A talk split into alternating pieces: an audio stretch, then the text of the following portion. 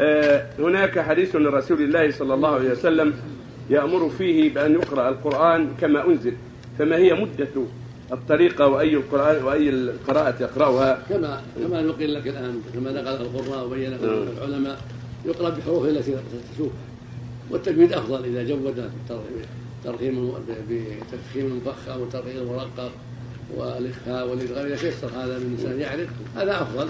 وإلا تقرأه باللغة العربية. الحمد لله. وأقل مدة لختمه ما في حد محدود لكن أفضل أسبوع أقل شيء أسبوع. وإن قرأ في كل شهر كفى. أقول يا شيخ الحديث هو أن الرسول وإن قرأ في ثلاث جاز أيضا لكن لا يقص عن ثلاث هذا اللي ينبغي. نعم. جهر في الصلاة في الظهر والعصر. من هو؟ الرسول جهر بها؟ لا يسر في الظهر والعصر جهر بها. والثالثة المغرب والثالثة والرابعة في العشاء. لكن بعض الأحيان يقرأ يشرب بعض الآيات. حتى يسمع الناس قراءته ويعلموا أنه يقرأ عليه الصلاة والسلام كان يسمعه بالايه بعض الأحيان عليه الصلاة والسلام نعم. هل هل الرجل الذي يدعى الذي لقب بأشجع فارس غير خالد بن الوليد أم هو خالد بن الوليد؟ ما عندي خبر يا الله طيب. ما عندي نعم أعمل في شركة أجنبية معظم العاملين فيه من أهل الكتاب كيف أتعامل معهم وإلى أي حد أخشى إن تكلمت وضحكت معهم في بعض الشؤون. واحدة واحدة واحدة لا تعمل معهم. دور المسلمين اعمل مع المسلمين. لا تعمل مع الكفرة. لأن يصيبك ما أصابهم. احذر احذر. ابتعد عنهم. نسأل الله السلامة والعافية. نعم. هل هناك من تفسير شرعي للوضوء بعد أكل لحم الجزور؟ وحسب حديث رسول الله صلى الله عليه وسلم تفسير كلام النبي صلى الله عليه وسلم ما في كلام. ما دام الرسول أمر يكفينا أمر الرسول صلى الله عليه وسلم. ولا ما علمنا العلة الله أعلم. سمعا وطاعة العين والرأس نفعل ما قاله الرسول ونتوضأ من لحوم النبي ولا ما علمنا العلة. ربك حكيم عليه وأعلم من نفسه. طيب. آه رجل حلف بميثاق الله وعهد الله وذمة الله. فهل هذا الحلف يجوز أم لا؟ إذا كان أراد الصفة أراد ميثاق الله كلام الله أراد شيء يعني شيء من صفات الله يجوز. إن كان ما أراد ذلك ما ينبغي الحلف بهذا ان هذه أمور محتمله عهد الله وميثاق الله و أيوه وذمة الله. عهد الله وميثاق الله وذمة الله. أما ذمة ما لها ما, لها يعني أصلا في الحلف بها لكن إذا أراد بذلك الوصف فلا بأس. أيوة. أما إذا أراد الذمة التي يفعلها الناس. يعني العهود اللي يفعلها الناس والمواثيق اللي يفعلها الناس. هي من عمل المخلوقين لا يحلف بها. أما إذا صفة الله ذمة الله صفته جل وعلا يعني بالله. أو بعهد الله يصدر منه صفته أو ميثاق الله يصدر منه هو هذا حلف بصفات الله فلا بأس. لكن ينبغي تجنب الشيء المحتمل. يعني يحلف بشيء واضح بالله بالعزيز بالحكيم بالرؤوف بالسميع بالبصير يحلف بشيء واضح حتى لا يأتي شيء فيه جمال وفيه خفاء. نعم. إذا قال يا شيخ بذمتك هذا المسلم قال أخي بذمتك هل يحد حلف بغير الله؟ كان نوى بالحلف يكون الحلف وان كان قصدي يعني أعطي الأمانة فيها ما لا تخدعني. ما قصدي الحلف ما يكون حلف. فيه ناس يأخذون عمرة في شهر شعبان ويدعون أن له أفضلية على باقي الشهور. هل هذا جائز؟ لا لا العمرة في كل وقت. شعبان له فضيلة. كان النبي صلى الله عليه وسلم يصومه إلا قليلا. فما سواء شعبان أو في رجب أو في أي وقت. عمرة بابها مفتوح. أيوه. وآخر يقول آه، أخبركم بأن هناك أربع أخوة وأخت قد قد ورثهم والدهم مزرعة منذ 25 عاما. سبالة تقدر بحوالي وفيها سبالة تقدر بحوالي سدس المزرعة. وليس هناك ثمر أو ثمر ولا دخل ثابت. فما حكم بقاء هذا الإرث حتى الآن؟ جزاكم الله خيرا حيث أن الأخت قد توفيت منذ ثلاث سنوات ومعظم الورثة غير راضين ببقاء المزرعة. إذا كانت المزرعة ما فيها فائدة ولا دخل ولا غلة ولا مصلحة يستأذن تستأذن المحكمة في بيعها حتى تنقل فيما هو أصلح. أو كانت الزبالة معطلة ولا فيها مصلحة. كذلك تباع من طريق المحكمة ويصلح ثمنها فيما هو أصلح من بيت أو نخلات طيبة أو دكان. شيء ينفع الميت ما تخلى معطلة. نعم. إيه، في مدرسة متوسطة الثمانية وعشرين في الرياض لدينا طالبات نصرانيات يدرسن مع الطالبات المسلمات ويمسكن المصحف نرجو أن تتكرموا وتبين لنا هذه المسألة فهل تجوز المستحيل؟ هذا معلوم معلوم نسأل الله أن يهديه الإسلام بعض العلماء يجوز ذلك إذا كان رجاء الهداية. بعض العلماء يمنع مسائل المصحف إذا دامت كافرة فلهم في هذا فتوى من بعض العلماء. نعم. هناك رجاء أن الله يهديه للإسلام. نعم. نعم. أنا طالب هنا في المملكة السعودية وقد جاءني خبر منذ عدة أسابيع. أنه تم عقدي وأنا هنا في السعودية من امرأة متدينة. والمشكل في الأمر أن أباها هو الذي تولى عقدها وهو لا يصلي وكنت إذا ذهبت إلى المسجد يذهب معي مجاملة.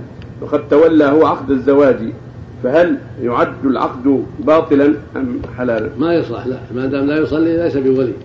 لا يزوجها إلا مسلم. أخوها اللي يصلي ولا ابن عمها اللي يصلي. واما اللي ولي اللي ما يصلي ليس بولي. الكافر ما يكون وليا مسلما. ولا يصح العقد. على الصحيح من اقوال العلماء. شيخ طيب ما حكم يا شيخ هؤلاء معظم هؤلاء الذين لا يصلون ويزوجون؟ من يا الله يا الله. إذا علمت علم واذا ما علمت فسال ربك العافية. إذا ما علمت الحمد لله. ولكن حكم النكاح يا شيخ. إذا علمت لا يصح. ما تبقى الدبله اللي تحط يد اليسار فنصب عليه صار من اليد اليسار؟ الدبله اللي تحط أنت الخيار الخاتم يحط في اليسار واليمين ما في بأس. والأفضل في الخنصر. اذا صار دبله الدبله ما لها أصل. حقة النساء يعني حقة الزواج. حقة الزواج ولا؟ هذه الذهب ما يجوز للرجل ما يجوز. لكن لونها لون ذهب الرجال الذهب لا يجوز للرجال الذهب لا يجوز للرجال. دبله ولا غير دبله ما تحط لا يحط خاتم ذهب. النبي صلى الله عليه وسلم نهى عن التخطب بذهب للرجال. ولما رأى رجل في يده خاتم من ذهب نزعه وطرحه. قال يعمد أحدهم إلى جمرة من النار فيضعها في يده. الذهب للنساء. أما العرف اللي يحط دبله النساء عند الزواج هذه ما لها أصل هذه من آه، أعمال الكفره يتشبه بهم بعض الناس. لا ما لها أصل. نعم. في مصر الناس حجوا يعني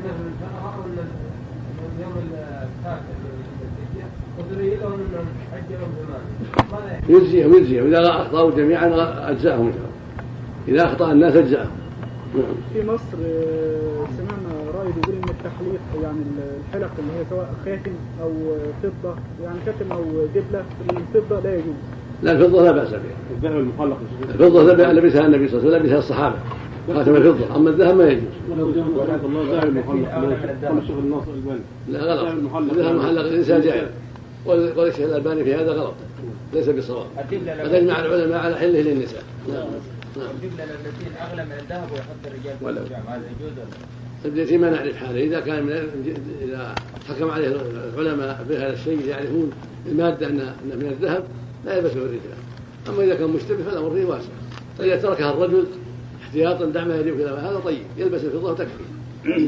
الشيخ صالح الحيداني الشيخ أفتى بهذا يقول إنه حرام لا يجوز. وشو في نور على الدرب سمعته أنا مرة من المرات قال حتى وإن كان الذهب أبيض من الأبلتين لا يجوز إذا لبسه. اذا علم ذلك محذور اذا كان عرف هذا إذا كان عرف إنه من الذهب فهو معذور كان ما عرف انه من فهو مخطئ. نعم. نعم. نعم. نعم. نعم. هذا كان اولا ثم نسخ. كان اولا أذن النبي صلى الله عليه الرجال والنساء. نهاهم جميعا ثم أذن لهم جميعا. ثم نهى النساء بعد ذلك. صلى الله عليه وسلم. الأواني ما تجوز من الفضه ولا من الذهب. الأواني لا لا بيالات ولا ملاعق ولا دلال ولا باريق. هذه ما تجوز الأواني من الرسول نهى عنها. فلا تلبسوا أواني الفضة فانها لهم فتنه لكم في الآخرة.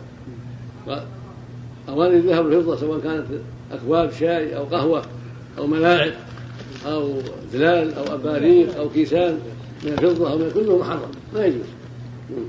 آه، ما رأيكم في الضحية؟ هل تجوز يجوز إشراك عائلتي في أضحية والدي؟ مع العلم أن السبيل عند أخي الأكبر وهو يضحي له. وهل زيارة القبر جائزة والدعاء له والإخوان المسلمين أفيدونا جزاكم الله خيرا؟ الضحيه سنة. تكفي عنك وعن أهل بيتك وعن أبيك. الرسول صلى الله عليه وسلم يضحي بالشاة الواحدة عنه وعن أهل بيته. فإذا ذبحت شاة عنك وعن أهل بيتك وعن والديك كفت. أما إذا كانت وصية من أبيك سبالة من أبيك بيت فيه ضحية دكان أرض ضحية أبوك لا شرك في أحد. اذبحها على ما أصابه اذبح هذا على ما أصابه ولا شرك في أحد. أما إذا كنت بنفسك تضحي عن أهل بيتك وعن نفسك فلا بأس. تشتري الضحية وتذبح عن عنك وعن أهل بيتك جميعا ولو كانوا مئة. يجزي الحمد لله. الله بسم الله. آخر يقول دخلت المسجد فصليت ما كتب لي وعندما سلمت آه، التقاني أحد الإخوة فقال لي صلاتك باطلة. فقال لي علي ما أعرفش إيه أن الرسول صلى الله عليه وسلم لم يتلفظ بالنية ولا بالبسملة ولا يقنت في صلاة الفجر. فقلت للأخ هداك الله؟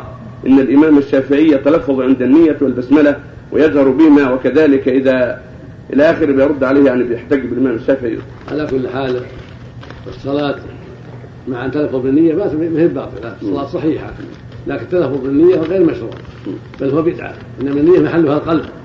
ولم يثبت عن الشافعي ولا عن غيره من الأئمة أنهم تلفظوا بالنية كما ذكر العلماء لا الشافعي ولا مالك ولا أحمد ولا أبو حنيفة ولا غيرهم من الأئمة لم يتلفظوا بالنية ولا الصحابة رضي الله عنهم ولا رأس المؤمنين والنبي صلى الله عليه وسلم.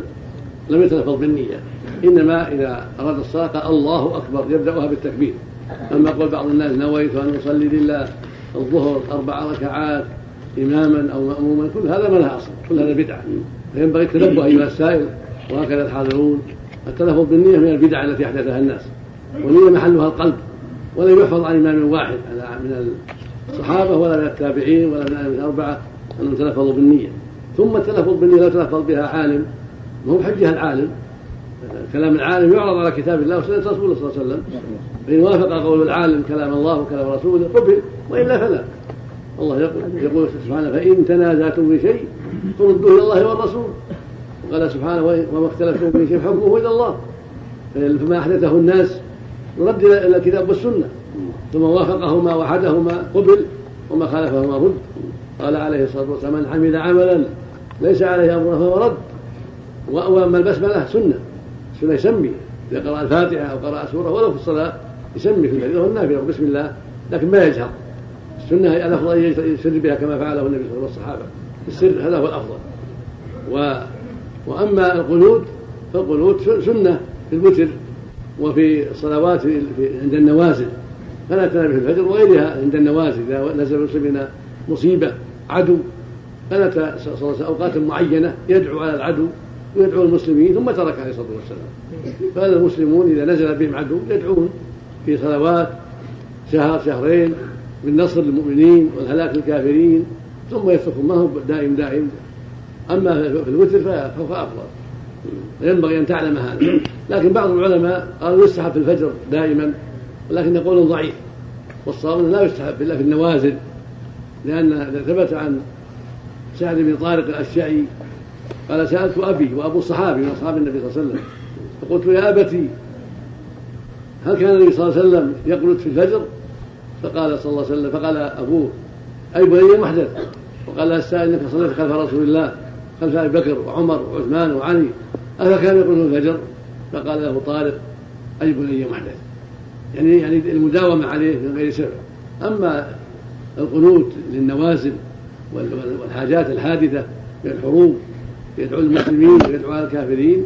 هذا فعله الرسول صلى الله عليه وسلم في أوقات وترك عليه الصلاة والسلام. نعم. بعض الشباب المسلمين في بعض البلدان الإسلامية نعم. اللي بيتخطف من بينهم الشباب ويرمى في السجون بسبب دعوتهم إلى الله دائما يقنطون في الفجر وفي هذا معلوم لأجل السلامة من هذا الشيء لكن ما هو بداعي تارة وتارة ما ما يستمر. هم يقول شهر شهرين ثم يترك. ثم يعود فيقنط هكذا ما يكون دائم يرون أن السبب قائم يعني يرون السبب قائم. ولو أن السبب قائم يفصل بينها لا يكون دائم حتى يوافق السنة. أيوه. مم. مم. هل يا شيخ بعض اذاعه اذاعه مصر تنقل باستمرار صلاة الفجر مسجد ودائما الإمام يقنط فيه. يا الله يوفقهم ويهديهم عندهم الشرك الأكبر أعظم من القنوت عندهم الشرك الأكبر. دعاة الحسين ودعاة البدوي أسأل الله يهديهم. ويهدنا واياهم للصواب نعم. اللهم امين رب العالمين هل يجوز ترجمة القرآن الكريم إلى اللغات الأخرى؟ وإذا كان الجواب لا فما هو السبب؟ يجوز ترجمة معاني مو ترجمة معاني تفسير من باب التفسير. يترجم إلى اللغة الإنجليزية والفرنسية وغيرها حتى يعلم الناس معاني كلام الله. فالترجمة للمعاني. أما أنه يكون قرآن ما يكون قرآن. القرآن ما يكون لابد باللغة العربية بلسان عربي مبين. لكن هذه التراجم للمعاني في حكم التفسير حكم حكم التفسير. مو بها حكم حكم القرآن. أيوه. ويجب أن لا يتولى هذا إلا من يعرف من يعرف باجاده اللغة والعلم بالمعاني والأحكام حتى لا يغلط. أخبرنا بعض الإخوان أن من توضأ في يوم الجمعة ثم اغتسل بعد الوضوء فإن صلاته باطلة ويقول إن الصحيح هو أن يتوضأ بعد الغسل.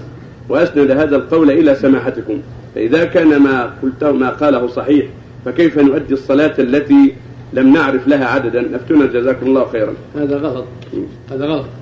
إن توضأ قبل الغسل أو بعد الغسل كله جائز. غسل غسل يوم الجمعة سنة. فإن توضأ قبله أو بعده كله طيب. ولفظ قبله لأن الرسول كان يتوضأ في الجنابة قبل ثم يغتسل. إذا كان على الجنابة توضأ ثم اغتسل. والنبي صلى الله عليه وسلم قال من اغتسل غسل الجمعة ثم أتى المسجد الآخر. فدل ذلك على أن الأفضل يتوضأ أول ثم يغتسل ووضوء صحيح. إلا إذا مس عورته إذا مس فرجه هذا الغسل يعيد الوضوء أما إذا ما مس فرجه ولا أحدث ولا شيء اغتسل ولا خرج من ريح ولا شيء ولا مس فرجه لا يعيد الوضوء فهمنا؟ الوضوء أول أفضل ثم يغتسل غسل الجمعة مثل ما يفعل لو كان جنوب يتوضأ ثم يغتسل غسل الجنابة. لكن لو أنه حين الغسل لما اغتسل لما توضأ ثم اشتغل الغسل مس فرجه أو حدث منه ريح أو أو هذا من النواقض يعيد الوضوء لأن بطل وضوءه مس الفرج أو خروج الريح ونحوها نعم. نعم. نعم. لا ما يصلح. لابد من وضوء نعم. يعني ما يندركش الوضوء مع الصلاة في غسل الجنابة. مع غسل الجنابة؟ في غسل آه، الوضوء غسل الجمعة. لا الجنابة. يندرج. في غسل الجنابة عند جمع من العلم إذا نواهما درج يندرج. أيوة. لكن الافضل يتوضأ ثم يغتسل حتى في. كيف فعل النبي صلى الله عليه وسلم؟ كان- يستنجي ثم يتوضأ وضوء الصلاة وربما ترك غسل رجليه. ثم يكمل الغسل ثم يغسل رجليه عليه الصلاة والسلام. طيب كيف يتوضأ وهو على جنابة؟ يتوضأ يعني لسه ما رفع الجنابة. يخفف الجنابة يخفف بعض الشيء. أيوه. هذا فعل النبي صلى الله عليه وسلم. أيوة. ما يتعرض عليه أيوه. الصلاة والسلام. طيب. كان يستنجي أول أيوه. ثم يتوضأ ثم يفيض الماء على جسده أيوه طيب. الحديث بلغ عني نعم. لا هذا يكفي. الوضوء الأول يكفي. إلا إذا مس فرجها وحده. نعم. النية في القلب ينوي بقلبه انه يتطهر. بقلبه انه يتطهر انه يصلي انه يصوم مو باللسان مو بيقول نويت أن اصلي لله كذا وكذا نويت أن أصوم نويت أن اطوف نويت أن أسعى نويت أن أتوضأ لا. القلب في القلب من بالقلب نية القلب. الحديث بلغ قرأت عني ولا قرأت. حديث لر- منسوب للرسول صلى الله عليه وسلم يقال يعني إنه للشيطان للوضوء شيطان يقال له الولهان. هذا هذا صحيح؟ يدعو الوساوس يروى عن النبي صلى الله عليه وسلم هذا الحديث لكن ما يذكر حاصل سنده. لكن كل عبادة لها شيطان يوسوس فيها. هل الغسل واجب على كل محتلم في يوم الجمعة؟ سنة مؤكدة لأن جاء في الحديث الآخر من توضأ يوم الجمعة ثم أتى المسجد. ولو أنه ما احتلم في يوم الجمعة. ولا محترم نعم. يكون واجب أو مستحب مستحب سنة. معنى محترم يبالغ نعم. على كل محترم يبالغ يستحب استحباب. نعم. مؤكد يعني معنى واجب يعني الله. لأن دلت الأحاديث الأخرى على أنه غير واجب وجوب الذي يعتم بالتعريف صح صح صلاته. ترك الأفضل. الحديث جزاك الله خير. بلغ عني ولو آية. إذا مس الفرج ولو ظاهر كفه مس بيده. ظهرا أو بطنا ينتقض الوضوء. حديث بلغ عن حديث صحيح رواه البخاري. لكن إذا جيت تبلغ عارضوه. لا ما اعرف من بلغ حسب طاقته بلغ حسب طاقته يعني ما. بلغ حسب طاقته والحمد لله. بلغ حافظوا على الصلوات صلوا يا عباد الله. دع المنكر يتفتح واحد يشرب الخمر اتق الله الله حرم الخمر. ما كذا نعم. بس الفرج مش كل ان هو إلا بضعة منك. هذا حديث فيه نظر في صحته ثم هو قديم منسوخ. أيوه. نعم. نلاحظ في المسائل آخرون من العلم أيوه. إنها مرجوح لأن الأحاديث كثيرة أيوه. تخالف. فهو من باب الشاذ. فهو شاذ أو منسوخ. نعم نلاحظ في المساجد بعض الأشياء مثل الحركة المتكررة في الصلاة التي تصل إلى حد إصلاح الغترة وإخراج المنديل للمخاط أو المسح العرق والنظر في الساعة وغير ذلك مما يدل على عدم الخشوع في الصلاة. فلو خشع القلب لسكنت الجوارح. وهناك أشياء أخرى مثل عدم سد الفرج. بل يصل الحد إلى أنه كلما اقترب شخص من آخر سد الفرجة ابتعد عنه. وشيء آخر ورفع الصوت بالقرآن الكريم. وختم الصلاة والأذكار وغير ذلك من الأشياء التي تؤدي إلى التشويش على المصلين. نرجو من سماحتكم بيان حكم الدين في هذه الأشياء وما يجب على المسلم أن يراعيه أن يراعيه من آداب المسجد. هذا اللي قاله السائل جزاه الله خيرا وكله واقع. بعض الناس عنده عبث كثير. بعض الناس إذا جرت به يسد الفرجة أبى. يمتنع ولا يتحرك. يحسب أنه ما يجوز لها العمل. هذا من الجهل. بعض الناس ما يسد الفرج التي يراها قدامه فالواجب على المؤمن أن يحذر هذه الأشياء. اولا العبث إذا تكا- تكاثر أبطل الصلاة. فيجب على المؤمن أن يحذر ذلك. أما الشيء القليل يعفى عنه الشيء اليسير يعفى عنه. نظر الساعة نظرا قليل أو حصل له بساط ومسق أو غيره فلا بأس. النبي صلى الله عليه وسلم بصق في الصلاة وأمر أن يبصق يساره في الصلاة. قال أو يقول هكذا واخذ طرف رداءه. وجعل يضم بعضه إلى بعض ويحطه فإذا دخل في رداء أو في منديل ما باس لكن لا يتابع الأشياء. والنبي حمل امامه زينب وهو يصلي. حملها في الصلاة. كان يصلي بضعها وإذا قام حملها. فالشيء القليل المتفرق لا يضر لكن لا يجوز أن يوالي حركات كثيرة. متواليه كثيرة. لا يجوز هذا. هذا يبطل الصلاة. فينبغي له يتحرى الخشوع فلا يعمل بلحيته ولا بساعته ولا بغطرته ولا بعناءته ولا بغير ذلك. يتحرى الخشوع والركود والسكون في الصلاة. وكذلك إذا كان حوله فرجه يجر صاحبه اللي حوله برفق حتى يسد الفرجه ولا يفشح. لا يضم بعضه إلى بعض يضم إليه بعضها إلى بعض والآخر كذلك. ويتقاربان قدم هذا عند قدم هذا حتى تسد الفرجه بعض الناس إذا شاف الفرجه وسيعا فشح وابعد أو صار هذا ما هو من الصلاة ما ينبغي هذا. ولكن يتقاربون ويضم هذا رجليه إلى بعضها إلى بعض عند عند قدم أخيه لا يتقدم ولا يتأخر حتى يكون الصف مستقيما وحتى تكون الفرج مسدودة. هكذا ينبغي المؤمنين أن يتأدبوا بالاداب التي بينها الرسول صلى الله عليه وسلم ودعا إليها. أما أن يكون مثل خشبه مثل العمود تجر يسد فرجه يابى هذا لا ينبغي خلاف الشرع. الرسول قال لينوا في أيدي إخوانكم. وقال سدوا الخلل. سدها يكون بالتقارب اللين مو بالشموس.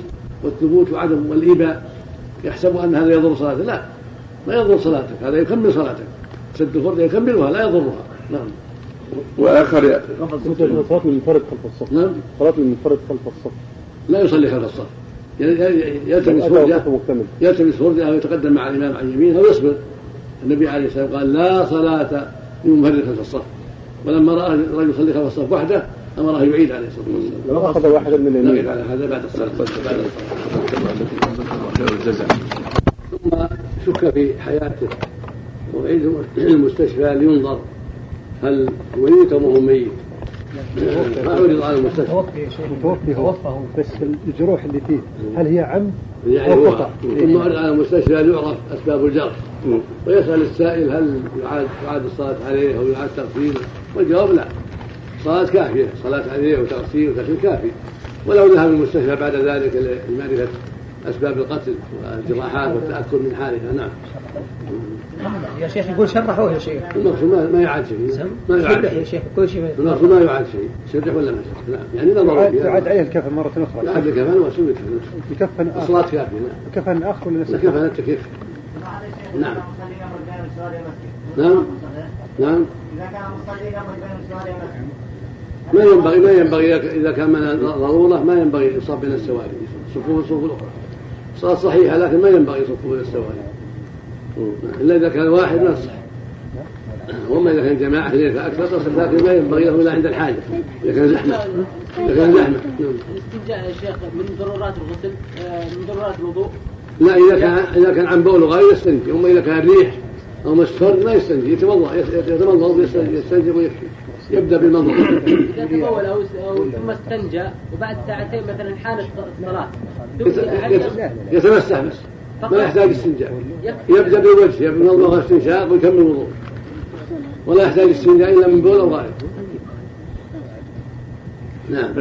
كان باقي السؤال اللي كنا نتكلم عن كثرة اللي عمل في الصلاة أن رفع الصوت بالذكر وقراءة القرآن وختم الصلاة وهكذا. يعني لما رفع الصوت في الذكر هذا بالتفصيل كان بعد الصلاة السنة أن يرفع الصوت بعد الصلاة. إذا سلم يذكر الله ويرفع الصوت حتى يسمع من حوله. قال ابن عباس كان رفع الصوت بالذكر حين ينصرف الناس مكتوبة على عهد النبي صلى الله عليه وسلم. قال كنت أعلم أن صرفوا بك سمعته. وكان الصحابة يسمعون النبي صلى الله عليه وسلم وهو يذكر الله. إذا سلم يقول الله استغفر الله استغفر الله استغفر الله اللهم أنت السلام ومنك السلام. تبارك يا ذا الجلال والإكرام. ثم ينصرف إلى الناس ويعطيهم وجهه عليه الصلاة والسلام. ويقول لا إله إلا الله وحده لا شريك له. يسمعون.